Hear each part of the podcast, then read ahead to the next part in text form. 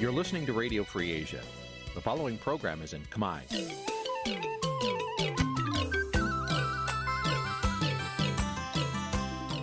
Nǐ chi càm bi tiệp xáy vệt chiu a zì sáy. នេះជាកម្មវិធីផ្សាយរបស់ Vithu Azisari ជាភាសាខ្មែរ វត្តឈូអាស៊ីសេរីសូមស្វាគមន៍លោកអ្នកនាងទាំងអស់ពីរដ្ឋធានី Washington នៃសហរដ្ឋអាមេរិក បាទប្រធានាទីវ៉ាស៊ីនតោនខ្ញុំបាទធីនសាការីយ៉ាសូមជម្រាបសួរលោកនាងកញ្ញាទាំងអស់ជាទីមេត្រីខ្ញុំបាទសូមជូនកម្មវិធីផ្សាយសម្រាប់ព្រឹកថ្ងៃអង្គារ6កើតខែភេទរបត់ឆ្នាំថោះបញ្ញស័កពុទ្ធសករាជ2567ត្រូវនៅថ្ងៃទី19ខែកញ្ញាគ្រិស្តសករាជ2023បាទជាដំបូងនេះសូមអញ្ជើញលោកនាងកញ្ញាស្ដាប់ព័ត៌មានប្រចាំថ្ងៃដែលមានមេត្តាដូចតទៅ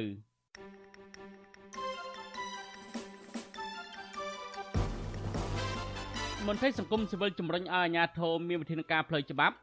លើមន្ត្រីយកប្រាក់ក្រៅផ្លូវការពីពលករខ្មែរចេញចូលទៅប្រទេសថៃជនជាតិដើមសួយជាង300គ្រួសារស្នើឲ្យអាជ្ញាធរខេត្តកំពង់ស្ពឺការពារព្រៃសហគមន៍ភ្នំវិហារកម្មជនបរិស្ថានថាការដោះដូរដីរដ្ឋ4ទីតាំងនៅខេត្តកណ្ដាលនឹងធ្វើឲ្យប៉ះពាល់ដល់ជីវភាពរបស់ប្រជាពលរដ្ឋ ពលរដ្ឋនៅខេត្តសៀមរាបទាមទារអរដ្ឋាភិបាលពង្រឹងសន្តិសុខសង្គមដើម្បីស្រូបយកភ្ញៀវទេសចរឡើងវិញរួមនឹងព័ត៌មានសំខាន់សំខាន់មួយចំនួនទៀតបាទលោកនាងជាទីមេត្រីជាបន្តទៅទៀតនេះខ្ញុំអាទិនសាការីយ៉ាសូមជូនព័ត៌មានពុស្ដាអ្នកជំនាញកសិកម្មលោកនេះណាដែលត្រូវបានជំនស្គាល់មុខវាយប្រហារឲ្យរងរបួសធ្ងន់ធ្ងរកាលពីសប្តាហ៍មុនលើកឡើងថា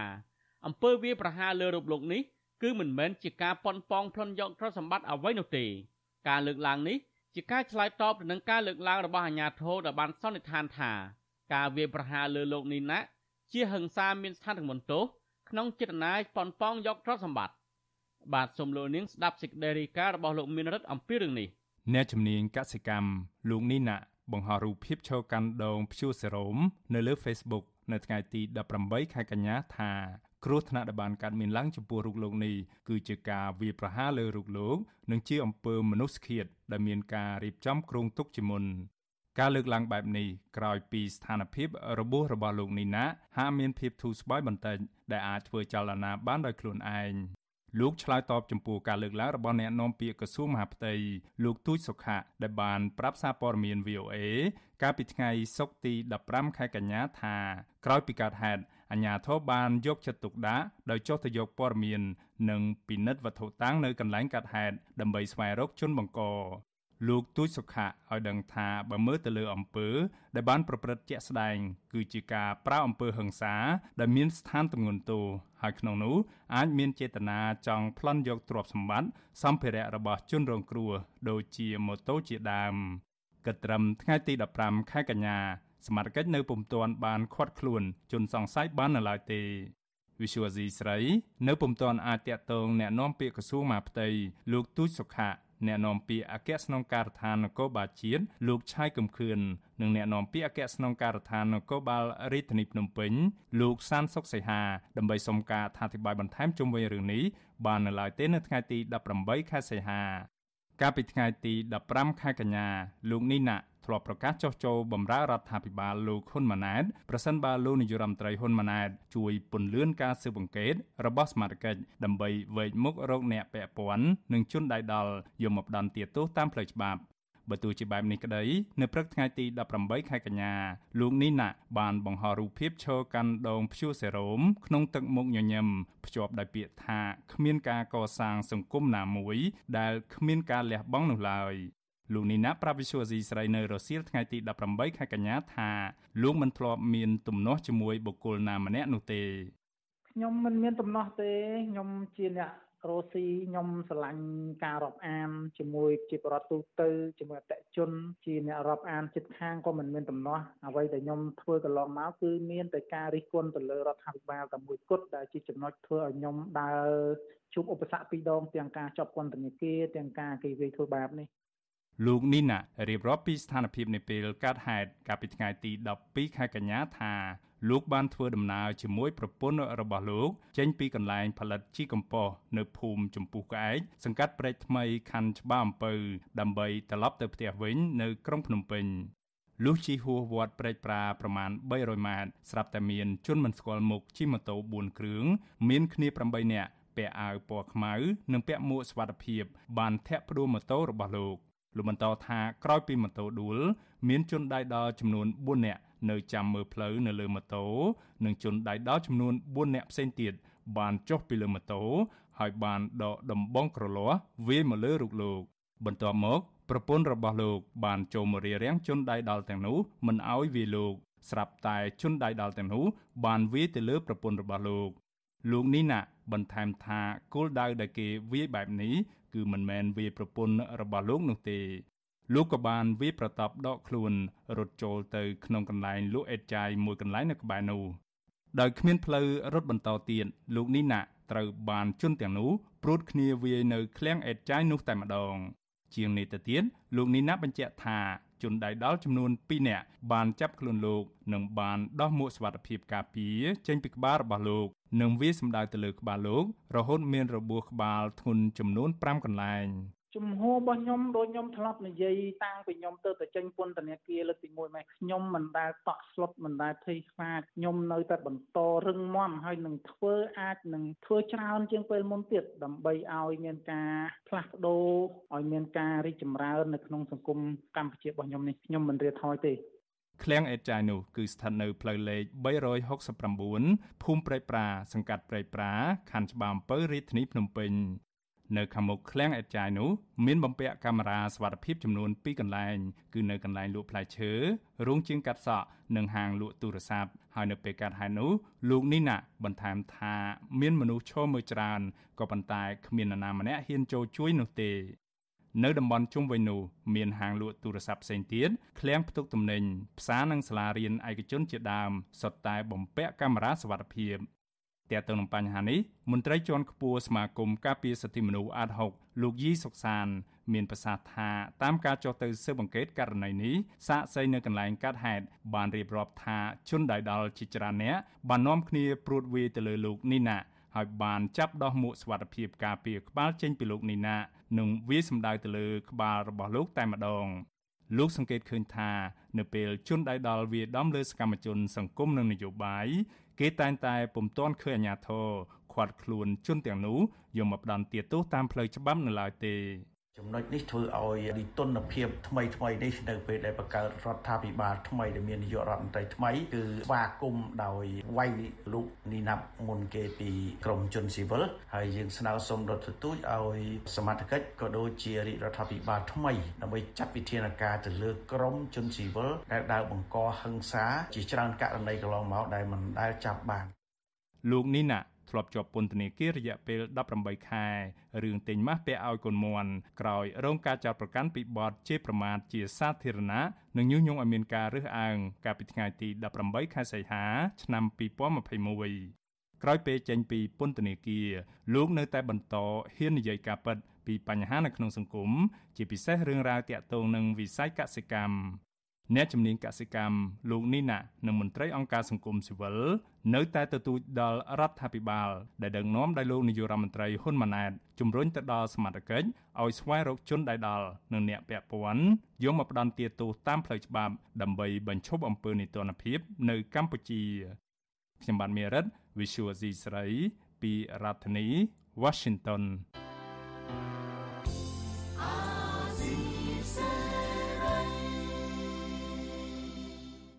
បាទលោកនាយកទីមេត្រីនៅខេត្តកំពង់ស្ពឺឯនេះវិញជនជាតិដើមភាគតិចសួយជាង300គ្រួសារស្នើឲ្យអាជ្ញាធរខេត្តកំពង់ស្ពឺការពារប្រៃសហគមន៍ភ្នំវិហារដែលកំពុងតែបាត់បង់ជាបន្តបន្ទាប់ដែលធ្វើឲ្យប៉ះពាល់ដល់ធនធានធម្មជាតិសល់ចុងក្រោយ និងអត្តសញ្ញាណភូមិកំណើតរបស់ពួកគេ សំណើនេះដោយសារអាជ្ញាធរនៅតែមិនអើពើ ការពារប្រៃសហគមន៍ភ្នំវិហារបើទោះបីជាអ្នកភូមិតវ៉ាជាច្រើនដងមកហើយក្តី បាទប្រធានាធិបតីវ៉ាស៊ីនតោនលោកជីវិតារាយការណ៍ព័ត៌មាននេះ ជនជាតិដើមភាគតិចទាំងនោះរស់នៅភូមិជំនាប់និងភូមិដំបងវិញឃុំសង្កែសាទបស្រុកអូរ៉ាល់បន្តស្វែងរកកិច្ចអន្តរាគមន៍ទៅស្ថាប័នពាក់ព័ន្ធនិងមន្ត្រីសង្គមស៊ីវិលឲ្យជួយរកមធ្យោបាយសង្គ្រោះព្រៃសហគមន៍ភ្នំវិហារដែលរងការរំលោភបំពានបន្តិចម្ដងបន្តិចម្ដងពីសំណាក់ក្រុមហ៊ុនឯកជននិងក្រុមអ្នកមានលុយមានអំណាចខុបខិតគ្នាជាមួយអាជ្ញាធរខលខូច តំណាងសហគមន៍លោកស្រីកែបអឹមប្រាប់វិទ្យុអាស៊ីសេរីនៅថ្ងៃទី18កញ្ញាថាសកម្មភាពកាប់ទន្ទ្រានព្រៃធ្វើជាកម្មសិទ្ធិការកាប់បំផ្លាញឈើធ្វើអាជីវកម្មការលួចបរបាញ់សត្វព្រៃនិងការរំកិលព្រៃដីសហគមន៍ពីសំណាក់ក្រុមហ៊ុនឯកជន គឺជាមូលហេតុចម្បងធ្វើឲ្យព្រៃសហគមន៍នេះកាន់តែរួមតូចជារៀងរាល់ឆ្នាំលោកស្រីបញ្ជាក់ថាសូម្បីតែឈើតូចតូចមិនទាន់គ្រប់អាយុអាចប្រើប្រាស់បាន ក៏ទទួលរងការកាប់បំផ្លាញដែរដើម្បីយកទៅដុតធ្វើធ្យូងលក់ខ្ញុំព្រួយណាស់រាល់ថ្ងៃខ្ញុំខ្ញុំស្រែកអយអាញាធរណាជួយខ្ញុំក៏គេមិនជួយដែរមិនដឹងទេគំនិតគេយ៉ាងម៉េចមិនដឹងទេគេឃុំខិតចង់យកដីភ្នំនឹងដឹងអីដឹងក្មួយ បានគេមិនធ្វើអយពួក សហគមន៍ខ្ញុំសោះខ្ញុំចង់អអាញាធរខេតនឹងដោះស្រាយឈប់អអង្កលជួលទៀតទៅសុំធ្វើกระดาษឆ្នាំអយសហគមន៍ខ្ញុំមកព្រៃសហគមន៍ភ្នំវិហារមានផ្ទៃដីជាង1000ហិកតាស្ថិតក្នុងភូមិចំនួន2គឺភូមិជំនប់និងភូមិដបងវិញឃុំសង្កែស្តាតូបដែលអ្នកភូមិបានស្នើសុំចុះបញ្ជីសមូហភាពកាលពីឆ្នាំ2016ព្រៃអភិរក្សនេះ ជាជំរកអនុផលព្រៃឈើសម្បូរបែបរបស់ជនជាតិដើមសួយ និងជាកន្លែងគោរពបូជាអរិយអ្នកតាព្រៃភ្នំ ដោយមានទឹកអូរធម្មជាតិសម្បូរត្រី ទឹកផុសចេញពីលអាងភ្នំនិងព្រៃជំនឿដែលអ្នកស្រុកធ្វើពិធីសែនព្រេនជារៀងរាល់ឆ្នាំវិទ្យុអាស៊ីសេរីមិនទាន់អាចតាក់ទងសុំការបំភ្លឺរឿងនេះពីអភិបាលខេត្តកំពង់ស្ពឺលោកវីសំណាងបាននៅឡើយទេ នៅថ្ងៃទី18កញ្ញាដោយទូរស័ព្ទហៅចូលតែគ្មានអ្នកលើក ចំណែកអភិបាលស្រុកអូរ៉ាល់លោកងួនវាសនាក៏មិនអាចតាក់ទងបានដែរនៅថ្ងៃដដែលនេះក៏ប៉ុន្តែមេឃុំសង្កែសតូបលោកននសរុនធ្លាប់ប្រាប់វិទ្យុអាស៊ីសេរីថាអញ្ញាធរជាតិមិនទាន់ឯកភាពទទួលស្គាល់ពាក្យស្នើសុំចុះបញ្ជីដីព្រៃសហគមន៍ភ្នំវិហារនៅឡើយទេក៏ប៉ុន្តែអញ្ញាធរបានរក្សាទុកព្រៃទំហំ5ហិកតាជូនពលរដ្ឋប្រើប្រាស់ជាសមូហភាពលោកបញ្ជាក់ថា ពលរដ្ឋស្នើសុំចុះបញ្ជីដីព្រៃសហគមន៍ធំពេកជន់ចំដីក្រុមហ៊ុនឯកជន និងដីឯកជនរបស់គេពាក់ព័ន្ធនឹងជនជាតិដើមភាគតិចនេះគឺឃុំស្រុកគេទុកកន្លែងទីសក្ការៈគោរពបូជានឹងតាំងពីដើមមកអត់ដែលប៉ះពាល់ទេហើយដីនេះប្រកបចង់បានទីសក្ការៈរាប់រយរាប់ពាន់ហិកតាអញ្ចឹងវាអត់ហាក់សមហេតុសមផលទេអូនបើគិតទៅនោះជុំវិញរឿងនេះ ប្រធានអង្គការប្រឆាំងអំពើពុករលួយទប់ស្កាត់ការបំផ្លាញធនធានធម្មជាតិនិងការពារសិទ្ធិពលរដ្ឋលោកជាហ៊ាន សង្កេតឃើញថាជនជាតិដើមភាគតិចសួយ មានទម្លាប់រស់នៅជាមួយធនធានធម្មជាតិតាំងពីបុរាណមកអាញាធរគួរតែដោះស្រាយរឿងនេះឲ្យបានត្រឹមត្រូវជូនពួកគាត់លោកបញ្ជាក់ថា ក្រុមការងាររបស់លោកនឹងចុះសង្កេតរឿងនេះក្នុងពេលឆាប់ៗខាងមុខនេះ វាអញ្ចឹងបើសិនជាក្នុងករណីថាដីនឹងជាដីបោះសហការសមត្ថកិច្ចណាគឺខ្ញុំធ្វើលិខិតទៅដែនសមត្ថកិច្ចនឹងដើម្បីចុះត្រួតពិនិត្យលើទីតាំងដីនឹងហើយនឹងត្រូវកាត់ស្វៀលមកឲ្យខាងសហគមន៍គ្រប់គ្រងជាសម្បត្តិរួមមិនមែនកាត់ស្វៀលដើម្បីទៅជាបុគ្គលកម្មសិទ្ធិបានទេបាទចាប់តាំងពីដើមឆ្នាំ2023មកជនជាតិដើមភាគតិចសួយជាង300នាក់បានលើកគ្នាតវ៉ាពីរដងមកហើយដើម្បីស្នើឲ្យអាជ្ញាធរបញ្ឈប់សកម្មភាពឈូសឆាយព្រៃ ក៏ប៉ុន្តែមិនត្រឹមតែគ្មានដំណោះស្រាយទេពលរដ្ឋ6នាក់កំពុងជាប់បណ្ដឹងនៅតុលាការដោយសារតែចេញមុខការពីព្រៃអភិរក្សមួយនេះខ្ញុំជីវិតាអាស៊ីសេរី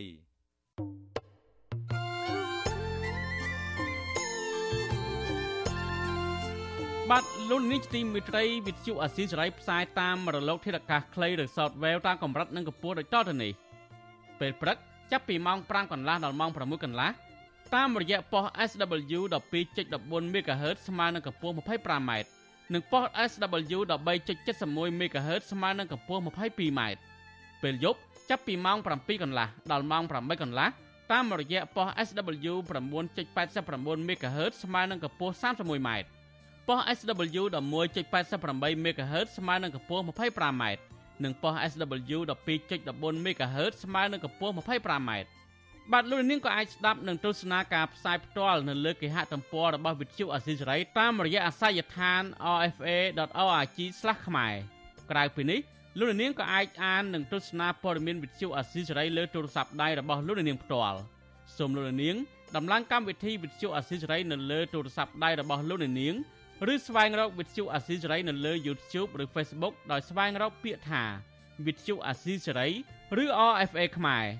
សូមលោកនាងចុច like follow និងចុច subscribe ដើម្បីទទួលបានព័ត៌មានថ្មីៗទាន់ហេតុការណ៍និងទស្សនាវីដេអូផ្សេងៗទៀតបានគ្រប់ពេលវេលា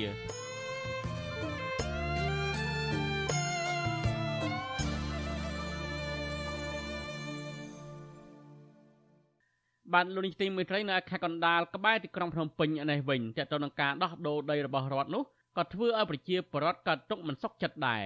សកម្មជនបរិស្ថានព្រួយបារម្ភថាការដែលរដ្ឋាភិបាលសុំលក់ដីរដ្ឋចំនួន4កន្លែងនៅខេត្តកណ្ដាលដើម្បីសាងសង់ផ្លូវថ្នល់និងស្ពាននឹងធ្វើឲ្យប៉ះពាល់ដល់លំនៅឋានរបស់ប្រជាពលរដ្ឋការលើកឡើងនេះគឺបន្ទាប់ពីអតីតនាយករដ្ឋមន្ត្រីលោកហ៊ុនសែនបានដាក់លិខិតស្នើសុំលក់ដីរដ្ឋចំនួន4កន្លែងដែលមានទំហំជាង3000ហិកតាឲ្យក្រុមហ៊ុនឯកជនដើម្បីសាងសង់ហេដ្ឋារចនាសម្ព័ន្ធនៅក្នុងខេត្តកណ្ដាល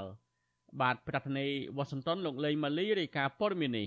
សកម្មជនបរិស្ថានលើកឡើងថាការលក់ដីរដ្ឋនៅតំបន់អាងធម្មជាតិដែលពលរដ្ឋអាស្រ័យផលនិងរស់នៅក្បែរតំបន់នោះនឹងបង្កឲ្យមានចំនួនដីធ្លី ជាពិសេសបាត់បង់ធនធានធម្មជាតិរដ្ឋាភិបាលលោកហ៊ុនសែនបានផ្ដល់ដីអាងទឹកធម្មជាតិឲ្យទៅក្រុមហ៊ុនចិនឈ្មោះ KT China Asia Green City Investment ដើម្បីអភិវឌ្ឍលើផ្ទៃដីចំនួនជាង37លានម៉ែត្រការ៉េឬស្មើនឹងជាង3000ហិកតា ក្នុងទំហំទឹកប្រាក់ប្រមាណ45លានដុល្លារបញ្ហានេះប៉ះពាល់លើអាងទឹកធម្មជាតិចំនួន4គឺអាងទឹកក្របីកូន អាងទឹកម្លេចអាងទឹកបឹងធំ និងអាងទឹកស្រះ8ដែលស្ថិតក្នុងស្រុកកោះធំ ស្រុកលើកដែកខេត្តកណ្ដាលនេះបើតាមលិខិតពីទីស្តីការគណៈរដ្ឋមន្ត្រីចុះថ្ងៃទី18សីហាដែលវិទ្យុអាស៊ីសេរីទើបទទួលបាន ក្នុងលិខិតនោះឲ្យដឹងថា ផ្ទៃដីប្រមាណជាង3000ហិកតានឹងយកទៅសង់ផ្លូវបេតុងចំនួន2ខ្សែប្រវែង20គីឡូម៉ែត្រតភ្ជាប់ទៅផ្លូវជាតិលេខ23និងផ្លូវដីចំនួន2ខ្សែប្រវែង30គីឡូម៉ែត្រនិងសាងសង់ស្ពានប្រវែង500ម៉ែត្រឆ្លងកាត់ពីសង្កាត់សំពើពូនទៅសង្កាត់ព្រែកជ្រៃលើពីនេះប្រសិនបើមានការប៉ះពាល់លើដីពលរដ្ឋដែលអាស្រ័យផលនៅទីនោះភាគីក្រុមហ៊ុនត្រូវទូទាត់សំណងក្នុង1ម៉ែត្រការ៉េឬ1ម៉ែត្រក្រឡា តម្លៃចន្លោះពី0.15ដុល្លារទៅ0.20ដុល្លារឬស្មើនឹង600រៀលទៅ800រៀលសកម្មជនចលនាមេដាធម្មជាតិលោកលីចន្ទរាវុធប្រាប់វិទ្យុអាស៊ីសេរីនៅថ្ងៃទី18កញ្ញាថាលោកសាទរចំពោះការអភិវឌ្ឍក៏ប៉ុន្តែការអភិវឌ្ឍដែលប៉ះពាល់ប្រយោជន៍ប្រជាពលរដ្ឋនិងប៉ះពាល់ដល់សម្បត្តិធម្មជាតិរដ្ឋាភិបាលគួរតែពិចារណាឡើងវិញ លោកបន្តថាការអភិវឌ្ឍរបស់រដ្ឋាភិបាលកន្លងមក គឺមិនបានគិតគូរដល់ជីវភាពរបស់ប្រជាពលរដ្ឋនោះទេ ដែលធ្វើឲ្យពលរដ្ឋរងផលប៉ះពាល់ពីគម្រោងអភិវឌ្ឍមួយចំនួនធ្លាក់ខ្លួនក្រខ្ញុំលើកទឹកចិត្តឲ្យរដ្ឋាភិបាលធ្វើការសិក្សាឡើងវិញហើយទីមួយហ្នឹងគឺត្រូវបជាឲ្យបានឬក៏បជាតាមដែលអាចធ្វើទៅបានពីការប៉ះពាល់ទៅលើដីប្រជាពលរដ្ឋហើយទីពីរហ្នឹងបើអ្នកដែលនៅតែមានការប៉ះពាល់ដីទៅលើគាត់ហ្នឹងគឺគួរតែផ្ដល់សំណងឲ្យពួកគាត់ហ្នឹងទៅតាមទីផ្សារ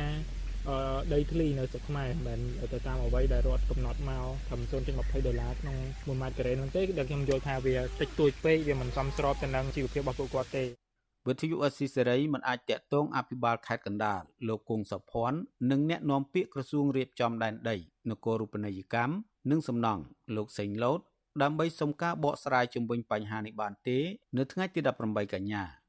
ជំវិញបញ្ហានេះ អ្នកសម្របសម្រួលគម្រោងធុរកិច្ចនិងសិទ្ធិមនុស្សរបស់មជ្ឈមណ្ឌលសិទ្ធិមនុស្សកម្ពុជា លោកវ៉ាន់សុផាត សង្កេតឃើញថារដ្ឋាភិបាលហាក់មានអំណាចលើសលប់ក្នុងការគ្រប់គ្រងដីធ្លី និងធនធានធម្មជាតិខណៈដែលច្បាប់មិនអនុញ្ញាតឲ្យរដ្ឋាភិបាលធ្វើអ្វីតាមតែអំពើចិត្តនោះទេលោកបន្តថាការដោះដូរដីរដ្ឋការធ្វើអនុប្រយោគឲ្យទៅក្រុមហ៊ុនឯកជនអភិវឌ្ឍទល់តែដីទាំងនោះអស់ប្រយោជន៍សម្រាប់សាធារណជន ប៉ុន្តែបើដីទាំងនោះនៅតែអាចផ្ដល់ប្រយោជន៍ដល់ពលរដ្ឋដូច្នេះរដ្ឋាភិបាលគួរតែគិតគូរឡើងវិញ។ យើងបានលើហើយថាបឹងទាំង4ហ្នឹងគឺសិតតែជាបឹងធម្មជាតិដែលប្រជាពលរដ្ឋគាត់អាស្រ័យផលអញ្ចឹងបើសិនជារដ្ឋដល់ដីនឹងទៅឲ្យក្រុមហ៊ុនលក់យកលុយដើម្បីធ្វើការអភិវឌ្ឍធ្វើហេដ្ឋារចនាសម្ព័ន្ធផ្លូវថ្នល់អីក៏ដោយក៏ត្រូវតែអនុវត្តទៅតាមនីតិវិធីនឹងដែរតែបើសិនជាមិនអនុវត្តទៅតាមនីតិវិធីដូចខ្ញុំរៀបរាប់បាញ់មិញហ្នឹងអាហ្នឹងវាជាការផ្ទេរឬមួយក៏ជួលឬមួយក៏លក់ដោយខុសច្បាប់តែម្ដងការលុបអាងស្តុកទឹកធម្មជាតិចំនួន4នេះនឹងធ្វើឲ្យប្រជាពលរដ្ឋខាតប្រយោជន៍ពលគឺ ពលរដ្ឋមិនអាចអាស្រ័យផលដោយការនេសាទដកប្រលិតរកខ្យងរកខ្ចៅនិងប្រើប្រាស់ទឹកសម្រាប់ស្រោចស្រពដំណាំដាំដុះបានឡើយជាពិសេសអាចប្រឈមនឹងការលិចលង់ផ្ទះសម្បែងនិងផលដំណាំ នៅពេលរដូវទឹកឡើងមន្ត្រីសង្គមស៊ីវិលយល់ឃើញថារដ្ឋាភិបាលគួរតែចុះសិក្សាហើយវាតម្លៃអំពីផលប៉ះពាល់ឲ្យបានច្បាស់លាស់មុននឹងដាក់ចេញគម្រោងអភិវឌ្ឍណាមួយព្រោះបើមិនដូច្នេះទេពលរដ្ឋអាចនឹងរងគ្រោះពីគម្រោងអភិវឌ្ឍនោះ ខ្ញុំបាទលេងម៉ាលី With you Assisary Washington លោកអ្នកនាងជាទីមេត្រីរដ្ឋាភិបាលចាស់នៃលោកហ៊ុនសែននិងរដ្ឋាភិបាលថ្មីគ្រប់គ្រងដោយលោកហ៊ុនម៉ាណែតបន្តកាត់ជ្រៀលសម្បត្តិធម្មជាតិដូចជាព្រៃឈើបឹងបួននិងសមុទ្រជាដើមឲ្យទៅក្រុមហ៊ុនឯកជន និងក្រុមអ្នកជំនួញដែលស្និទ្ធនឹងរដ្ឋាភិបាលជាបន្តបន្ទាប់ក្នុងនោះក៏រួមមានទាំងសាច់ញាតិឬដន្លងរបស់ពួកគេផងដែរ ក្រុមអ្នកការពារបរិស្ថានសង្កេតឃើញថាសេចក្តីសម្រេចទាំងនេះធ្វើឡើងដោយគ្មានដំណាភាពនិងកំពុងនាំទៅរកការបំផ្លិចបំផ្លាញធនធានធម្មជាតិយ៉ាងច្រើនសម្បើមតើហេតុអ្វីបានជារដ្ឋាភិបាលមានតម្រូវការផ្ដល់សម្បត្តិធម្មជាតិច្រើនបែបនេះទៅឲ្យឯកជន បាទនេះជាប្រធានបទនៃវេទិកាអ្នកស្ដាប់វិទ្យុអាស៊ីសេរីនៅយប់ថ្ងៃអង្គារទី19ខែកញ្ញាបាទប្រសិនបើលោកអ្នកនាងមានសំណួរចង់សួរវាគ្មិនរបស់យើង ឬចង់បញ្ចេញមតិយោបល់ លោកអ្នកនាងអាចដាក់លេខទូរស័ព្ទរបស់លោកអ្នកនាងនៅក្នុងខ្ទង់ comment Facebook និង YouTube របស់ Vuthu Azizi Serai ដែលយើងកំពុងផ្សាយផ្ទាល់នៅពេលនេះបាទក្រុមការងាររបស់យើងនឹងហៅទៅលោកអ្នកនាងវិញបាទសូមអរគុណបានលោកនេះទីមេត្រីតកតងនឹងការផ្ដាល់សញ្ជាតិឲ្យជនបរទេសវិញបរដ្ឋនិងសង្គមស៊ីវិលលើកឡើងថារដ្ឋាភិបាលគួរតែពិនិត្យមើលពីប្រវត្តិបុគ្គលបរទេសដែលស្នើសុំសញ្ជាតិខ្មែរ ជាជាងការផ្ដាល់សញ្ជាតិដោយពិនិត្យមើលតែផលប្រយោជន៍ដែលទទួលបានប្រជាពលរដ្ឋនិងសង្គមស៊ីវិលថាកន្លងមកករណីដែលជនបរទេសប្រើប្រាស់សញ្ជាតិខ្មែរ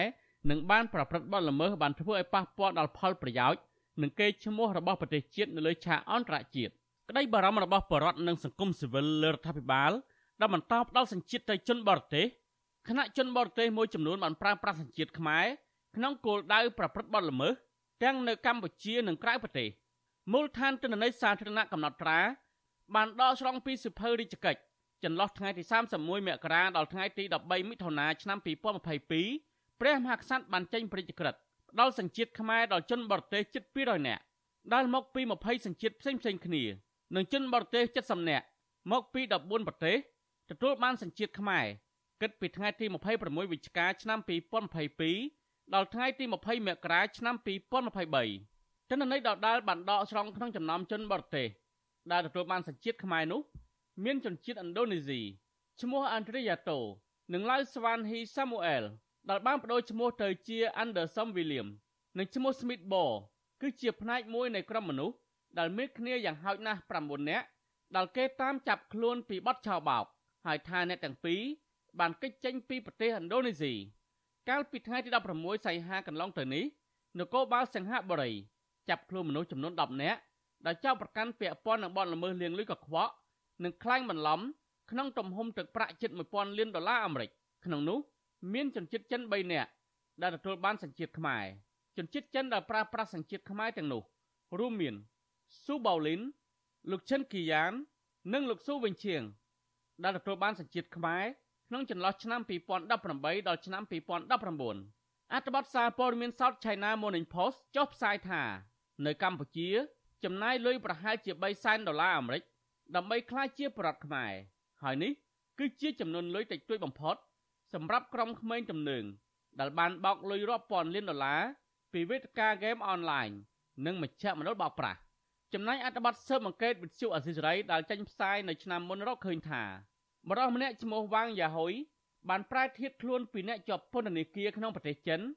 ក្លាយជាមន្ត្រីការទូតកម្ពុជា លោកវ៉ាងយ៉ាហុយទទួលបានសញ្ជាតិខ្មែរនិងបដូរឈ្មោះខ្មែរថាវ៉ាន់សុខាកាលពីថ្ងៃទី12ធ្នូឆ្នាំ2013ដោយមានលោកហ៊ុនសែនជាអ្នកលើកសំណើទៅព្រះមហាក្សត្រលោកវ៉ាងយ៉ាហុយហៅវ៉ាន់សុខាត្រូវបានតែងតាំងជាទីប្រឹក្សារបស់លោកនាយករដ្ឋមន្ត្រីហ៊ុនសែននៅខែកក្កដាឆ្នាំ2015លោកទទួលបានលិខិតឆ្លងដែនការទូតទាក់ទងនឹងបញ្ហានេះសកម្មជនចលនាមេដាធម្មជាតិនិងជាអ្នកតាមដានពីបញ្ហាសង្គមលោកលីច័ន្ទរាវុធលើកឡើងថា កម្ពុជាដូចជាកន្លែងទិញលក់សញ្ជាតិទៅឲ្យជនបរទេសមានដូចជាការរត់ការទិញសញ្ជាតិរបស់លោកអង្ញាដួងឆាយជាដើមហើយករណីទាំងនេះមានជាប់ពាក់ព័ន្ធនឹងអំពើពុករលួយជាប្រព័ន្ធលោកលីច័ន្ទដារវុធបន្តថាកន្លងមក ការប្រព្រឹត្តបទល្មើសរបស់ជនបរទេសដែលមកកាន់សញ្ជាតិខ្មែរគឺបានធ្វើឲ្យប៉ះពាល់ដល់កេរ្តិ៍ឈ្មោះជាតិហើយបរតខ្មែរជាអ្នកខាតបង់ផលប្រយោជន៍ស ញ្ជាតិរបស់ប្រទេសកម្ពុជានឹងហាក់បីដូចជាត្រូវបានយកមកដាក់លើថាសដើម្បីលក់ទៅឲ្យក្រមអ្នកអ្នកមានលុយជាពិសេសអក្រិតជនក្រៅប្រទេសនឹងមកជ្រកក្រោមសញ្ជាតិកម្ពុជាដើម្បីប្រព្រឹត្តអំពើបាត់បាត់អក្រិតរបស់ខ្លួនក្នុងការរស់ស៊ីតាមប្រភពក៏ខ្វក់ផ្សេងផ្សេងហ្នឹងខ្ញុំយល់ថាបញ្ហានេះវានឹងមិនអាចធ្វើទៅរួចបានទេបើសិនបើគ្មានថាជាប់ពាក់ព័ន្ធពីមន្ត្រីធំធំវិទ្យុអាស៊ីសេរីមិនអាចតកតងអ្នកនាំពាក្យរដ្ឋាភិបាលលោកប៉ែនបូណា និងលោកមាសសុភ័ណ្ឌដើម្បីសំសួរអំពីបញ្ហានេះបានទេ តែទោះជាយ៉ាងណាអ្នកនាំពាក្យក្រសួងមហាផ្ទៃលោកខៀវសុភ័ក្រយល់ស្របថាជនបរទេសដែលបានប្រើប្រាស់សញ្ជាតិខ្មែរដើម្បីប្រព្រឹត្តបទល្មើសពិតជាធ្វើឲ្យប៉ះពាល់ដល់កេរ្តិ៍ឈ្មោះជាតិមែនប៉ុន្តែលោកអះអាងថា ការប្រព្រឹត្តបទល្មើសគឺជារឿងបុគ្គលហើយជនជាតិណាក៏មានជនល្មើសដែរ។ ការធ្វើរំការត្រឹមត្រូវហើយនឹងប៉ុន្តែយើងគុណលីថាយើងបានប្រតិជាតិវាចឹងហើយការប្រព្រឹត្តបទល្មើសនេះវាមិនមែនថាជនជាតិចិនឬក៏ជនជាតិណាទេអានោះវាខូចវាខូចទៅចឹងហើយខ្វះអីជនជាតិបរទេសគោខជនជាតិយើងក៏គោក៏ប្រព្រឹត្តបទល្មើសបរទេសដែរចឹងទោះបីជាបែបនេះក្តីនាយកទទួលបន្ទុកកិច្ចការទូតនៃអង្គការឃ្លាំមើលសិទ្ធិមនុស្សលីកាដូលោកអំសំអាតលើកឡើងថាការផ្ដល់សញ្ជាតិតាមរយៈសញ្ជាតិតូបនីយកម្មរដ្ឋាភិបាលគួរតែដឹងពីប្រវត្តិបុគ្គលទាំងនោះជាជាងពិនិត្យមើលតែផលប្រយោជន៍ ដែលទទួលបានលោកអំសម្អាតថាបើសិនជាជនបរទេសទទួលបានសញ្ជាតិខ្មែរទាំងនោះប្រើប្រាស់សញ្ជាតិខ្មែរដើម្បីប្រព្រឹត្តបទល្មើសដែលនឹងធ្វើឲ្យកម្ពុជាខាត់បងទាំងកេរឈ្មោះនិងអាចក្លាយជាទីតាំងប្រព្រឹត្តបទល្មើសទៀតផងហើយបើសិនជាគាត់បានសញ្ជាតិកម្ពុជាហើយគាត់ប្រព្រឹត្តបទល្មើសដល់ទៅការតបោតាមព័ន្ធ អត់អាចតាមអីផ្សេងៗទៀតអានឹងវារឹតតែធ្វើឲ្យប៉ះពាល់ទៅទៀតវាធ្វើឲ្យជនដតីនឹងរងគ្រោះផងហើយវាធ្វើឲ្យប៉ះពាល់ទៅដល់បទជាយើងទៀតទៅតែតែគេអាចយកឈ្មោះថាជនទាំងអស់ហ្នឹងគឺសញ្ជាតិកម្ពុជាច្បាប់សញ្ជាតិខ្មែរកំណត់អំពីការទទួលសញ្ជាតិខ្មែរតាមនីតិវិធី3យ៉ាង គឺតាមរយៈកំណើតតាមរយៈអាពាហ៍ពិពាហ៍ឬតាមរយៈសញ្ជាតិតបនីយកម្ម ចំពោះការសុំចូលសញ្ជាតិខ្មែរតាមរយៈសញ្ជាតិតបនីយកម្មនេះគឺជនបរទេសក៏អាចចូលតាមការដាក់ទុនវិនិយោគធ្វើអាជីវកម្មនៅកម្ពុជាឬផ្ដល់អំណោយជាទឹកប្រាក់បញ្ចូលទៅក្នុងកញ្ចប់ថវិកាជាតិ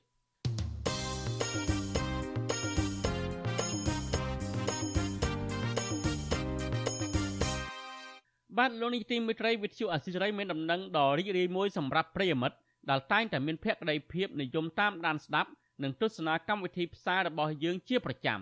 ជាពិសេសកម្មវិធី podcast ប្រចាំសប្តាហ៍របស់យើងយើងមានអាយុធជារង្វាន់សម្រាប់ចែកជូនដល់ប្រិយមិត្ត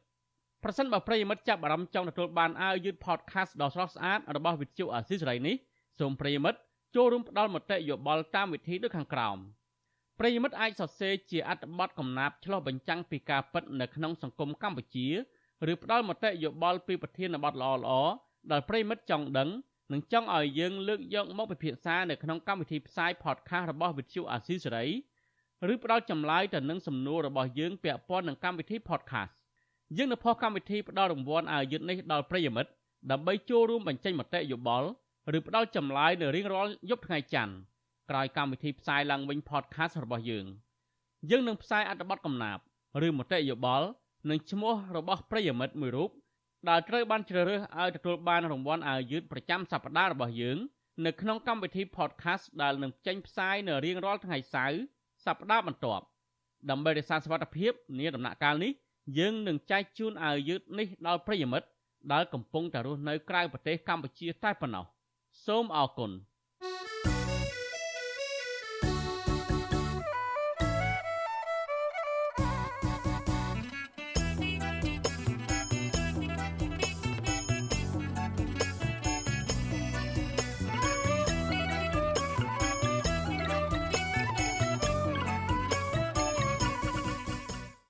បាទលោកនាងជាទីមេត្រីតកតងនឹងការតវ៉ារបស់លោកកែវសវណ្ណរិទ្ធដែលអស់បន្លាយពេលរាប់ខែមកហើយវិញ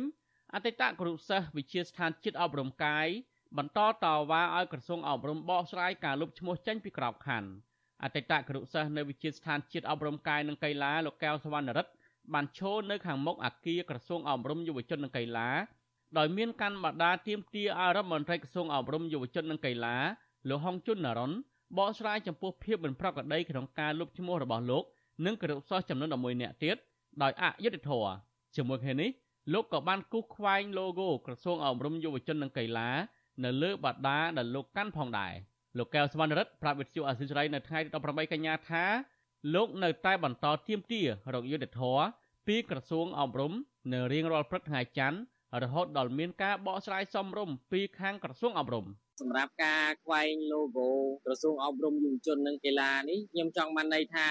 ក្រសួងអប់រំយុវជននិងកីឡាអសមត្ថភាពមិនហ៊ានចេញបកស្រាយនៅភាពការពិតលាក់បំពួនមានភាពមួយដែលថាគាត់ធំជាងគេហើយគាត់ជាយាមកិច្ចវេះមិនបកស្រាយនៅអ្វីដែលខ្ញុំចោទសួរជារៀងរាល់ថ្ងៃច័ន្ទវិទ្យុអសិរ័យមិនអាចតតងแนะនាំពាក្យក្រសួងអប់រំយុវជននិងកីឡាលោករស់សុវចា ដើម្បីសុំសួរអំពីបញ្ហានេះបានឡើយទេកាលពីថ្ងៃទី18កញ្ញាលោកកែវសវណ្ណរិទ្ធលើកឡើងថាបើសិនជាក្រសួងអប់រំនៅតែមិនបង្ហាញពីដំណាភាពជុំវិញនឹងការលុបឈ្មោះរបស់លោកទេនោះលោកនឹងដើរកាន់បដាចម្ងាយផ្លូវប្រមាណជា10គីឡូម៉ែត្រនៅថ្ងៃច័ន្ទថ្ងៃទី25កញ្ញាខាងមុខដោយចាប់ផ្ដើមចេញដំណើរពីខាងមុខក្រសួងអប់រំយកញត្តិទៅដាក់នៅក្រសួងមុខងារសាធារណៈឲ្យជួយដោះស្រាយ។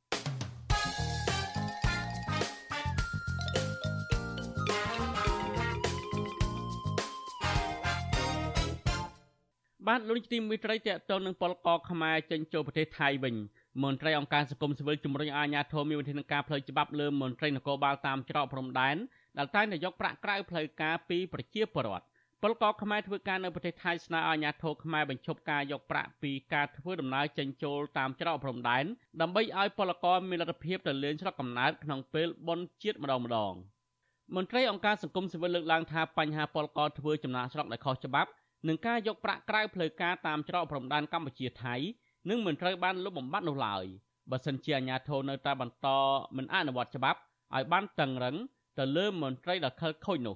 ប្រធានផ្នែកប្រឆាំងការជួញដូរមនុស្សនិងទេសនប្រវេសនៃអង្គការសង្គ្រោះលោកឌីទេហូយ៉ា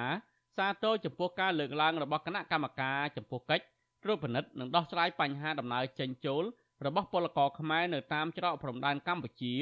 ដែលមានគោលបំណងចង់លុបបំបាត់ការយកកម្រៃក្រៅផ្លូវការសម្រាប់ការធ្វើដំណើរចេញចូលតាមច្រកព្រំដែនទោះជាយ៉ាងណាលោកថាគណៈកម្មការនេះនឹងមិនអាចធ្វើការបកស្រាយប្រកបដោយប្រសិទ្ធភាពនោះឡើយបើសិនជាអាជ្ញាធរ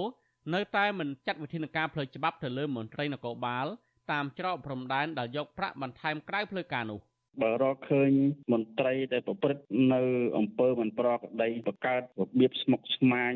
ជំរុញឲ្យពលរដ្ឋខ្មែរជាពិសេសពលករសោកលុយឲ្យលុយដើម្បីបានចេញចូលងាយស្រួលហ្នឹងគឺត្រូវចាត់វិធានការដកតំណែងដាក់ពន្ធនាគារបញ្ឈរទៅតាមកម្រិតនៃទង្វើ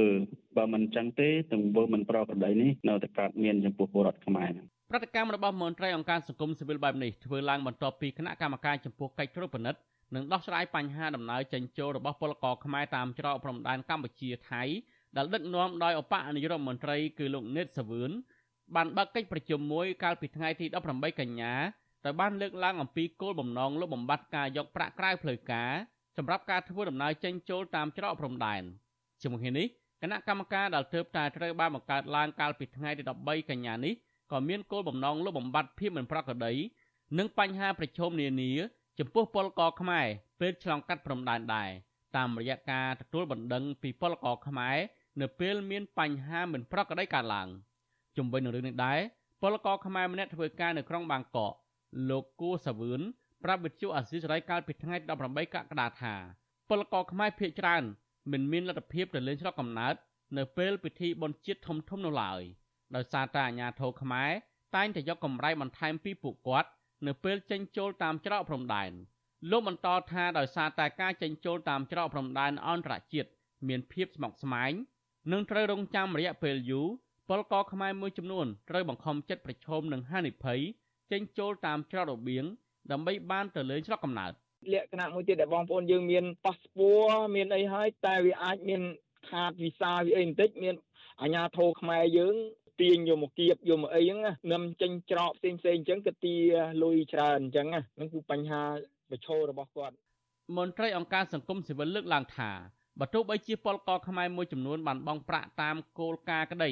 ប៉ុន្តែអាជ្ញាធរនៅតាមច្រកព្រំដែនមិនបានវាយត្រាចេញចូលឲ្យបានត្រឹមត្រូវច្បាស់លាស់នោះឡើយដែលធ្វើឲ្យពលករខ្មែរទាំងនោះប្រឈមនឹងបញ្ហាពេលធ្វើដំណើរចេញចូលទៅដីថៃដើម្បីធ្វើការវិញទោះជាយ៉ាងណាលោកឌីទេហូយ៉ាអះអាងថា ក្នុងចំណោមពលករខ្មែរធ្វើការនៅប្រទេសថៃប្រមាណជា2លាននាក់មានតែពលករប្រមាណជា2សែននាក់តែប៉ុណ្ណោះដែលមានឯកសារស្របច្បាប់ធ្វើការនៅប្រទេសថៃលោកថាដើម្បីដោះស្រាយបញ្ហានេះគណៈកម្មការចំពោះកិច្ចត្រួតពិនិត្យនិងដោះស្រាយបញ្ហាដំណើរចេញចូលរបស់ពលករខ្មែរតាមច្រកព្រំដែនកម្ពុជាត្រូវតែមានវិធានការផ្លូវច្បាប់ឲ្យបានតឹងរឹងលើមន្ត្រីខិលខូចដែលពាក់ព័ន្ធជាមួយមេខ្យល់នាំពលករទៅប្រទេសថៃដែលខុសច្បាប់និងគួរកាត់បន្ថយថ្លៃបំពេញឯកសារនានា ដែលជាបន្ទុករបស់ពលករដើម្បីបានទៅធ្វើការនៅក្រៅប្រទេសដោយស្របច្បាប់ផងដែរ។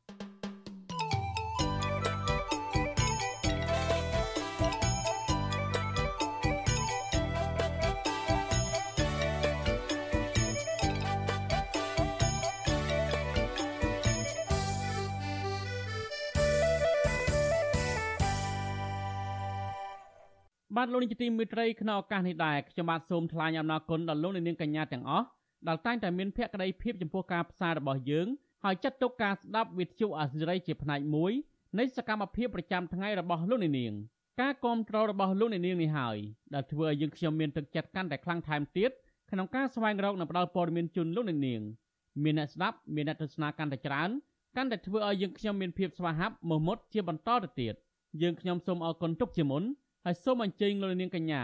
ចូលរួមជំរុញឲ្យសកម្មភាពផ្តល់ព័ត៌មានរបស់យើងនេះកាន់តែជោគជ័យបន្ថែមទៀតលោកនាងអាចជួយយើងខ្ញុំបានដោយគ្រាន់តែចុចចែករំលែកឬ share ការផ្សាយរបស់យើងនៅលើបណ្ដាញសង្គម Facebook និង YouTube ទៅកាន់មិត្តភ័ក្តិដើម្បីឲ្យការផ្សាយរបស់យើងបានទៅដល់មនុស្សកាន់តែច្រើនសូមអរគុណ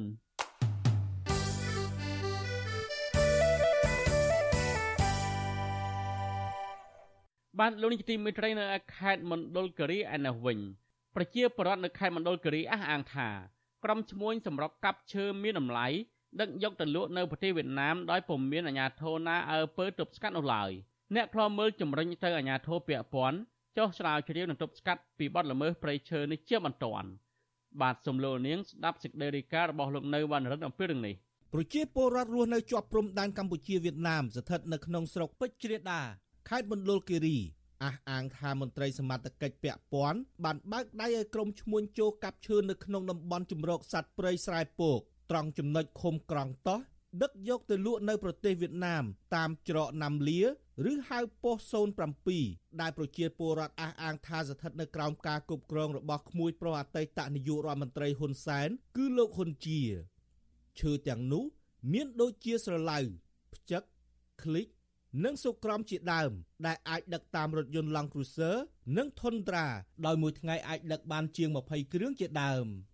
តំណាងប្រជាសហគមន៍ជនជាតិដើមភាគតិចភ្នងរស់នៅក្នុងស្រុកពេជ្រជ្រាដាប្រាប់វិទ្យុអស៊ីសេរីក្នុងលក្ខខណ្ឌសូមមិនបញ្ចេញឈ្មោះនៅថ្ងៃទី18ខែកញ្ញាថាជារៀងរាល់ថ្ងៃក្រុមឈ្មួញបានចូលកាប់ឈើនៅក្នុងដែនជម្រកស្រែប្រោកនៅពេលថ្ងៃរួចយប់ឡើង មានរថយន្តជាច្រើនគ្រឿងបញ្ជូនទៅលក់នៅប្រទេសវៀតណាម ពលរដ្ឋរូបនេះចាត់ទុកការបណ្តែតបណ្តោយឲ្យមានការកាប់និងដឹកជញ្ជូនដោយសេរីបែបនេះថាជាការបើកភ្លើងខៀវពីអ្នកមានអំណាចនៅក្នុងខេត្តទើបពួកគេហ៊ានរកស៊ីខុសច្បាប់បែបនេះទោះជាយ៉ាងណាពលរដ្ឋដដែលបន្ថែមថានៅតំបន់នោះមិនហ៊ានយកទូរស័ព្ទថតឬផ្សព្វផ្សាយជាសាធារណៈនោះទេព្រោះពួកគេតែងតែទទួលបានការគំរាមកំហែងពីអាជ្ញាធរនៅក្នុងតំបន់គួរ ឲ្យរដ្ឋាភិបាលបំផ្លាញប្រទេសជាតិបំផ្លាញធនធានធម្មជាតិរបស់ខ្មែរយើងរបស់ប្រទេសជាតិរបស់យើងរបស់ជាតិទាំងមូលហេតុអីបានពួកកាន់អំណាចរាល់ថ្ងៃថាអាំងវាមានអំណាចវាបំផ្លាញវាត្រូវមិនត្រូវអ្នកបំផ្លាញទេត្រូវគិតការពារពួកត្រូវតែការពារពួកគាត់នឹងចេញមកការពារហើយពួកយើងសហគមន៍នឹងយើងប្រជាពលរដ្ឋនឹងការពារនឹងគេគម្រាមកំហែងយើងបំផិតបំភ័យយើងគេញុះគេថាយើងនេះញុះញង់គេថាយើងនេះបង្កចលាចល ចំណែកអ្នកស្រាវជ្រាវនឹងឃ្លាំមើលធនធានធម្មជាតិនៅកម្ពុជា ដែលកំពុងស្រាវជ្រាវនៅភូមិភាគឦសាន លោកសេងសុកហេង សង្កេតឃើញថាអាញាធរឈរជើងនៅតាមព្រំដែននៅតែបន្តប្រព្រឹត្តអំពើពុករលួយជាមួយឈ្មួញដើម្បីឲ្យមានការរត់ពន្ធឆ្លងដែនជារៀងរាល់ថ្ងៃ។ លោកបន្ថែមថាប្រសិនបើថ្នាក់ដឹកនាំរដ្ឋាភិបាល នៅតែបន្តឲ្យក្រុមឈ្មួញនៅទីនោះរកស៊ីដឹកជញ្ជូនឈើទៅលក់ដោយខុសច្បាប់បែបនេះបន្តទៀតព្រៃឈើនៅក្នុងប្រទេសកម្ពុជានឹងហិនហោចជាក់ជាមិនខានគប់ខិតគ្នាបាទពីមន្ត្រីអាជ្ញាធរដណ្ដីមួយចំនួនដែលនៅជំវិញតំបន់នោះបាទហើយអ្វីដែលយើងបានដឹងគឺមាន បាទខ្នងក្រាក់ក្រាក់មួយចំនួនដែរដែលគាត់ជួបពាក់ព័ន្ធទៅនឹងការកាប់បំផ្លាញព្រៃឈើនៅស្រែពកហើយគេដឹកចែងទៅលក់នៅវៀតណាមទាំងអស់នេះគឺវាមានការជួបពាក់ព័ន្ធការខົບខិតគ្នាដើម្បីទទួលបាននូវផលប្រយោជន៍អំពីការធ្វើអាជីវកម្មឈើដែលខុសច្បាប់ជុំវិញរឿងនេះវិទ្យុអាស៊ីសេរីមិនអាចតាក់ទងអភិបាលខេត្តមណ្ឌលគិរី លោកថងសាវុននិងប្រធានមន្ត្រីបរិស្ថានខេត្តមណ្ឌលគិរី គឺលោកឆៅប៊ុនធឿនបាននៅឡើយនៅទេនៅថ្ងៃទី18ខែកញ្ញាដោយទូរស័ព្ទចូលច្រើនដង តែគ្មានអ្នកទទួលចំណែកមេប៉ុស្តិ៍វិរៈនគរបាលការពីព្រំដែនគោកប្រចាំច្រកណាំលា លោកសំរិទ្ធណយក៏សុំមិនធ្វើអត្ថាធិប្បាយជុំវិញរឿងនេះដែរតើតើនឹងបញ្ហានេះមន្ត្រីសម្របសម្រួលសមាគមការពារសិទ្ធិមនុស្សអាត6ប្រចាំខេត្តមណ្ឌលគិរីលោកប៊ីវ៉ានី យល់ឃើញថាប្រសិនបើមន្ត្រីពាក់ព័ន្ធមិនបានអនុវត្តទៅលើជនល្មើសដែលប្រព្រឹត្តខុសច្បាប់នោះទេអាជ្ញាធរពាក់ព័ន្ធនឹងរងការរិះគន់ពីប្រជាពលរដ្ឋថាពាក់ព័ន្ធនឹងការប្រព្រឹត្តអំពើពុករលួយ រវាងក្រុមឈ្មួញនិងអាជ្ញាធរលោកបន្ថែមថាប្រសិនបើអាជ្ញាធរនៅតែមិនព្រមទប់ស្កាត់ការកាប់បំផ្លាញព្រៃឈើនិងការដឹកជញ្ជូនឈើទៅលក់នៅប្រទេសវៀតណាមទាំងអស់នេះទេនឹងធ្វើឲ្យប្រជាពលរដ្ឋសង្ស័យថាមន្ត្រីជំនាញទាំងនោះ ជាប់ពាក់ព័ន្ធនឹងបទល្មើសព្រៃឈើផងដែរច្បាប់ដែលមានហើយមន្ត្រីមិនអនុវត្តកាលណាយើងមិនអនុវត្តច្បាប់មិនចាត់ធានការបង្ក្រាបបទល្មើសព្រៃឈើធ្វើឲ្យប្រជាពលរដ្ឋសង្ស័យថាមានអំពើពុករលួយហើយ ការសង្ស័យរបស់ប្រជាពលរដ្ឋគឺដោយសារតែជាមន្ត្រីរបស់យើងនឹងមិនបានអនុវត្តច្បាប់ទៅលើជនប្រព្រឹត្តអនុញ្ញាតឲ្យជនប្រព្រឹត្តបទល្មើសព្រៃឈើនឹងមានបន្តកាប់ឈើនិងអាឈើនាំចេញទៅក្រៅប្រទេសដោយខុសច្បាប់នឹងឯងទើបមានការសង្ស័យនិងមិនមានជំនឿទុកចិត្តលើមន្ត្រីអនុវត្តច្បាប់ដែនជំរកសត្វព្រៃខ្សែពកដែលមានទំហំផ្ទៃដីសរុបជាង352,671ហិកតា ជាដែនជំរកសត្វព្រៃសម្បូរទៅដោយសត្វកម្រព្រោះប្រភេទនិងកំពុងរងគ្រោះជាសកល ដូចជាសត្វដំរីអាស៊ីខ្លារខិនខ្លាពពកទុនសោងត្រយងយក្សនិងក្រពើភ្នំជាដើម បន្ថែមពីលើនេះជាកន្លែងតាក់ទាញភ្ញៀវទេសចរដែលចង់ស្វែងយល់ពីជីវភាពរស់នៅរបស់បងប្អូនជនជាតិដើមភាគតិចផងដែរខ្ញុំបាទនៅវណ្ណរិន with Chu Azizi Saray ពីរដ្ឋធានី Washington បានលោកនាយទីមេត្រីតកតងនឹងបរដ្ឋចម្ពាក់បំណុលធនាគារវ៉ាន់កវិញ ប្រជាពលរដ្ឋមួយចំនួនបង្ខំចិត្តលក់ផ្ទះសម្បែងនិងដីធ្លីដើម្បីយកលុយសងបំណុលធនាគារបន្ទាប់ពីធ្លាក់ខ្លួនខ្លាចជាកូនបំណុលឬមិនរួចក្រោយពីសេដ្ឋកិច្ចធ្លាក់ចុះមិនអាចរកចំណូលបានក្នុងរយៈពេលប្រមាណឆ្នាំមកនេះមន្ត្រីសង្គមស៊ីវិលថារដ្ឋាភិបាលថ្មីគួរតែមានយន្តការដោះស្រាយវិបត្តិបំណុលរបស់ពលរដ្ឋដើម្បីកាត់បន្ថយហានិភ័យកំណើនពលករចំណាក់ស្រុកនិងភាពក្រីក្រនៅក្នុងប្រទេសកម្ពុជា។ បាទប្រធានាធិបតីវ៉ាស៊ីនតោនអ្នកស្រីសុជីវីរាយការណ៍ព័ត៌មាននេះស្លាកសញ្ញាដាក់លក់ដីឬផ្ទះភ្ជាប់ជាមួយនឹងលេខទូរស័ព្ទកំពុងដាក់ព្យួរកាន់តែច្រើននៅតាមមុខផ្ទះប្រជាពលរដ្ឋឬដោតជាមួយនឹងបង្គោលនៅលើដីស្រែចម្ការនៅតាមភូមិស្រុកស្លាកលក់ដីឬផ្ទះទាំងនេះប្រៀបបាននឹងការចុះចាញ់របស់ពលរដ្ឋដែលបរាជ័យលើអាជីវកម្មនិងកសិកម្មហើយអស់លទ្ធភាពសងបំណុលធនាគារពលរដ្ឋនៅឃុំជ្រៃស្រុកថ្មគោលលោករស់សវណ្ណា ប្រាប់វិទ្យុអាស៊ីសេរីថាលោកបង្ខំចិត្តលើកស្លាកលក់ដីនឹងផ្ទះក្នុងតម្លៃជាង20,000ដុល្លារបន្ទាប់ពីលែងមានលទ្ធភាពរកលុយសងបំណុលធនាគារដែលខ្ចីយកទៅធ្វើដើមទុនរកស៊ីអាជីវករលក់បន្លែរូបនេះរៀបរាប់ថាការខាតបង់ដើមទុន ស្របពេលដែលចំណូលធ្លាក់ចុះជាហេតុនាំឲ្យលោកទៅខ្ចីបុលចងការប្រាក់ឯកជនបន្ថែមទៀតដើម្បីបង្ក្រប់លុយសងធនាគារជារៀងរាល់ខែ ដែលធ្វើឲ្យបំណុលកាន់តែកើនឡើងរហូតដល់ជាង10000ដុល្លារ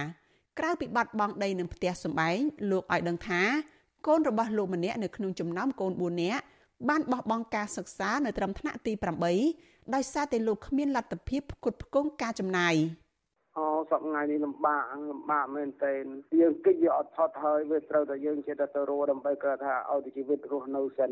មានមានយឺតខែគេបងជាងកាលទៅគេខឹងគេថាគេអីខ្លះទៅប៉ុន្តែធ្វើមិនយើងវាមុខក្រាស់ខ្លះហើយណាដែលយើងរកអត់បានអីចឹងទៅយកគាត់ឲ្យយើងឲ្យបានតែបានហូបរស់អសន្នសិននឹងឯងបញ្ហាបំណុលបានคล้ายជាបន្ទុកកាន់តែធ្ងន់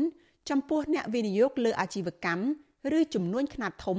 ដែលត្រូវចំណាយដើមទុនច្រើនប្រៀបបានទៅនឹងទូកធំដែលមានក្តោងធំដូច្នោះដែរពលរដ្ឋនៅស្រុកថ្មគោលលោកស្រីអែមស្រស់ប្រាប់វិទ្យុអាស៊ីសេរីថាលោកស្រីបានដាក់ស្លាកលក់ដីមួយកន្លែងនៅស្រុកថ្មគោលក្នុងតម្លៃជាង100,000ដុល្លារដើម្បីយកលុយមកសងធនាគារចំនួន2ដែលអ្នកស្រីបានខ្ចីបង្វិលសងធនាគារពីមួយទៅមួយគិតជាទឹកប្រាក់សរុបជាង40000ដុល្លារលោកស្រីបញ្ជាក់ថាលោកស្រីបានខ្ចីប្រាក់ពីធនាគារ ដើម្បីយកមករកស៊ីធ្វើកសិកម្មនិងចិញ្ចឹមសត្វកាលពី3ឆ្នាំមុនក៏ប៉ុន្តែដោយសារតម្លៃកសិផលធ្លាក់ចុះខណៈមុខរបរលក់ដូរមិនសូវកាក់កបផងនោះធ្វើឲ្យលោកស្រីខ្វះលទ្ធភាពសងបំណុលចំកែបទៅខាងកែបចំគោគោថ្លៃបានមួយឆ្នាំចុះថោកវិញទៀតនិយាយទៅដាក់អីផុតដាក់អីរហូតរហូតទៅបានថ្លៃផងខ្ញុំធ្វើមិនដែរចំណេញផងទោះជាយ៉ាងណាមិនមែនមានតែអ្នករកស៊ីប៉ុណ្ណោះទេ ដែលជាប់បំណុលធនាគារសម្បីតែកម្មកររោងចក្រមួយចំនួនក៏ជួបបញ្ហានេះដែរនៅតាមភូមិមួយចំនួនស្ថិតនៅក្នុងស្រុកថ្ពងស្រុកឧដុងនិងស្រុកភ្នំស្រួចនៅក្នុងខេត្តកំពង់ស្ពឺសម្បូរទៅដោយផ្ទះថ្មស្អាត និងផ្ទះឈើខ្ពស់ខ្ពស់ដែលពលរដ្ឋខ្ចីលុយពីធនាគារយកមកសាងសង់ដោយពួកគាត់រំពឹងទៅលើប្រាក់ឈ្នួលការងាររោងចក្រប៉ុន្តែពេលនេះពួកគាត់កំពុងជួបបញ្ហាបំណុលបន្ទាប់ពីរោងចក្រមួយចំនួនបានបិទទ្វារនិងព្យួរការងារ ដោយសារវិបត្តិសេដ្ឋកិច្ចបណ្ដាលមកពីការរាលដាលនៃជំងឺ Covid-19 និងសង្គ្រាមរវាងរុស្ស៊ីនិងអ៊ុយក្រែនពលរដ្ឋនៅស្រុកអូដុងលោកវ៉ាន់វាសនាឲ្យដឹងថាលោកបានខ្ចីប្រាក់ពីធនាគារមួយកន្លែងចំនួនជាង10000ដុល្លារកាលពី3ឆ្នាំមុនយកទៅធ្វើផ្ទះដោយលោករំពឹងទៅលើរោងចក្រដើម្បីយកលុយមកសងធនាគារលោកបន្តថាទើបតែសងបំណុលធនាគារបានមួយឆ្នាំរោងចក្រដែលលោកកំពុងធ្វើការបានកាត់បន្ថយម៉ោងធ្វើការ និងព្យួរការងារដែលធ្វើឲ្យលោក ខ្វះលទ្ធភាពសងធនាគាររហូតដល់លោកត្រូវបង្ខំចិត្តដាក់ស្លាកលក់ដីនិងផ្ទះព្រោះអីខាងនេះខ្លះសធនាគារអញ្ចឹងទៅធនាគារគេរឹបអូសឬក៏លក់អីសងអំណុលគេអញ្ចឹងនៅតាមភូមិស្រុកមួយចំនួនគេតែងសង្កេតឃើញមន្ត្រីអន្តទានឬក៏ CO របស់គ្រឹះស្ថានមីក្រូរ៉ាញ់វត្ថុជិះម៉ូតូទៅមកជារៀងរាល់ថ្ងៃ ដើម្បីស្វែងរកអតិថិជនខ្ចីលុយនិងដើរទារលុយពីកូនបំណុល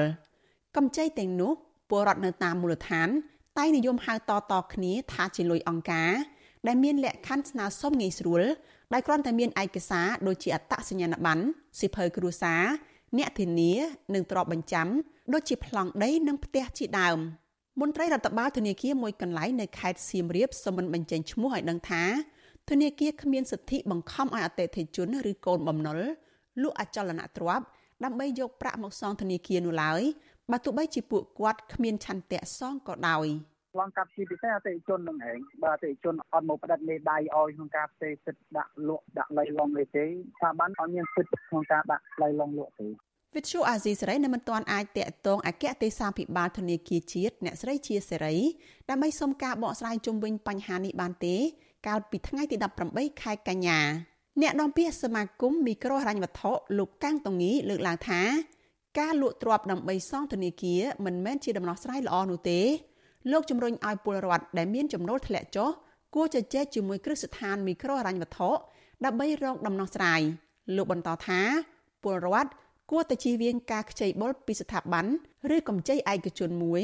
យកទៅបង្វែរសងស្ថាប័នមួយផ្សេងទៀត ដែលវិធីនេះនឹងធ្វើអត្រាការប្រាក់និងចំនួនបំណុលកាន់តែកើនឡើង។ព្យាយាមរកដំណោះស្រាយក៏ប៉ុន្តែដំណោះស្រាយដែលយើងមិនគួរជ្រើសរើសគឺការទៅខ្ចីបុលពីឯកជន ការទៅខ្ចីពីអនឡាញទៅរលុយអីពីប្រភពផ្សេងផ្សេងហ្នឹងតែដំណោះស្រាយហ្នឹងមិនមែនជាដំណោះស្រាយពិតប្រាកដទេវាគ្រាន់តែជាការធ្វើឲ្យបញ្ហាហ្នឹងវាកាន់តែរីកធំទៅកាន់តែពិបាកដោះស្រាយតើតើនៅរឿងនេះអ្នកស្រាវជ្រាវការអភិវឌ្ឍសង្គមលោកមាសនេះលើកឡើងថា រដ្ឋាភិបាលអាណត្តិថ្មីមិនគួរនៅស្ងៀមទុកឲ្យពលរដ្ឋបន្តរងគ្រោះទៀតនោះទេ តែយ៉ាងណាលោកថាប្រជាពលរដ្ឋខ្លួនឯងផ្ទាល់ក៏ត្រូវមានចំណេះដឹងនិងភាពច្បាស់លាស់ក្នុងការប្រើប្រាស់លុយបំណុលឲ្យមានប្រសិទ្ធភាព និងធានាពីលទ្ធភាពដែលអាចសងបាន ដោយមិនត្រូវខ្ចីលុយយកទៅលេងល្បែង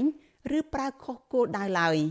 រដ្ឋាភិបាលថ្មីនេះវាជាឱកាសមួយដែលរដ្ឋាភិបាលត្រូវពិនិត្យមើលរឿងហ្នឹងណាយើងមិនមែនគាត់ស្ងាត់ស្ងាត់ទេរដ្ឋាភិបាលត្រូវតែមានហៅគោលការណ៍ត្រូវធ្វើម៉េចយ៉ាងហោចណាស់ក៏មានពាក្យពេចន៍ខ្លះដើម្បីនិយាយជាមួយពលរដ្ឋថាឥឡូវយើងនឹងពង្រឹងផ្នែកផលិតផលកសិកម្មដើម្បីឲ្យពលរដ្ឋនឹងអាចមានលទ្ធភាពរកចំណូលមកវិញហើយធ្វើការពារគ្នាជាមួយនឹងស្ថាប័ន micro ហិរញ្ញវត្ថុថាតើក្នុងពេលនេះគួរត្រូវធ្វើម៉េចដើម្បីបទូបថយជួយទាំងអស់គ្នារដ្ឋក៏ជួយហើយស្ថាប័ន micro ហិរញ្ញវត្ថុក៏ជួយដែរណាអង្គការសមត្ថៈកម្ពុជា អង្គការសម្ព័ន្ធខ្មែរជំរឿននិងការពារសិទ្ធិមនុស្សហៅកាត់ថាលីកាដូ កាលពីខែសីហាបានចេញផ្សាយលទ្ធផលស្រាវជ្រាវពីអ្នកជាប់ជំពាក់កម្ចីខ្នាតតូច នៅក្នុងខេត្តកំពង់ស្ពឺថាការរីករាលដាលនៃការជំពាក់បំណុលច្រើនលើសលប់បាននាំឲ្យមានការរំលោភសិទ្ធិមនុស្សធ្ងន់ធ្ងរជាច្រើនរួមមានភាពអត់ឃ្លានពលកម្មកុមារការបោះបង់ការសិក្សា និងការលក់ដីដោយបង្ខំជាដើម នៅទូទាំងខេត្តនេះ ទន្ទឹមគ្នានេះរបាយការណ៍របស់ក្រសួងសហព័ន្ធអាល្លឺម៉ង់សម្រាប់សហប្រតិបត្តិការសេដ្ឋកិច្ចនិងការអភិវឌ្ឍចេញផ្សាយកាលពីខែកញ្ញាឆ្នាំ2022កន្លងទៅ បានរកឃើញថាពលរដ្ឋកម្ពុជាជាង100000នាក់បានលក់ដីសងបំណុលនៅក្នុងរយៈពេល5ឆ្នាំចុងក្រោយនេះរបាយការណ៍នោះក៏បញ្ជាក់ថាគិតជាមធ្យមរយៈពេល16នាទីម្ដង មានពលរដ្ឋខ្មែរមួយគ្រួសារលក់ដីសងបំណុល ពលរដ្ឋស្នើរដ្ឋាភិបាលដោះស្រាយបញ្ហាសេដ្ឋកិច្ចដោយទម្លាក់តម្លៃប្រេងសាំងនិងទប់ស្កាត់ការទម្លាក់តម្លៃកសិផលនៅក្នុងស្រុកដើម្បីឲ្យពួកគាត់មានលទ្ធភាពស្ដារប្រាក់ចំណូលនិងសងបំណុលធនាគារនាងខ្ញុំសុជីវីវិទ្យុអាស៊ីសេរីពីរដ្ឋធានី Washington